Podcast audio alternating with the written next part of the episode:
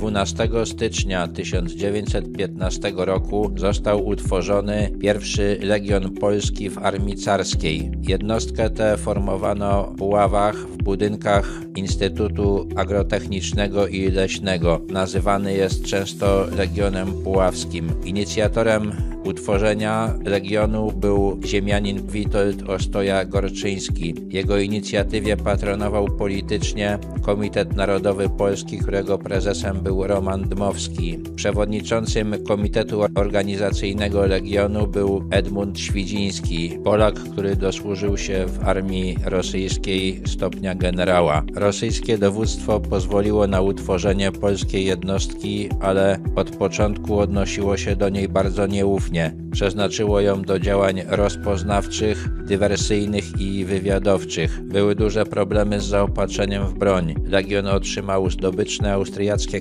karabiny maszynowe, do których zawsze brakowało amunicji. Nie przydzielono mu też w ogóle wozów taborowych. Cenzura nie pozwalała na żadne wzmianki w prasie o istnieniu tej jednostki. W końcu zmieniono jej nazwę na 739 Nowoaleksandryjską drużynę pospolitego ruszenia. Puławy pod zaborem rosyjskim nazywały się Nowoaleksandria. Swój chrzest bojowy legion przeszedł pod Pakosławiem 19 maja 1915 roku. Potem walczył jeszcze pod Górą Puławską, Michałowem, Czeremchą i w wielu innych miejscach, osłaniając odwrót wojsk rosyjskich. Szczególnie ciężkie walki stoczył pod Karczówką, gdzie bił się z niemieckimi oddziałami złożonymi z Polaków. We wrześniu 1915 roku został wycofany z frontu, gdy z około tysiąca ludzi pozostało już tylko siedmiu oficerów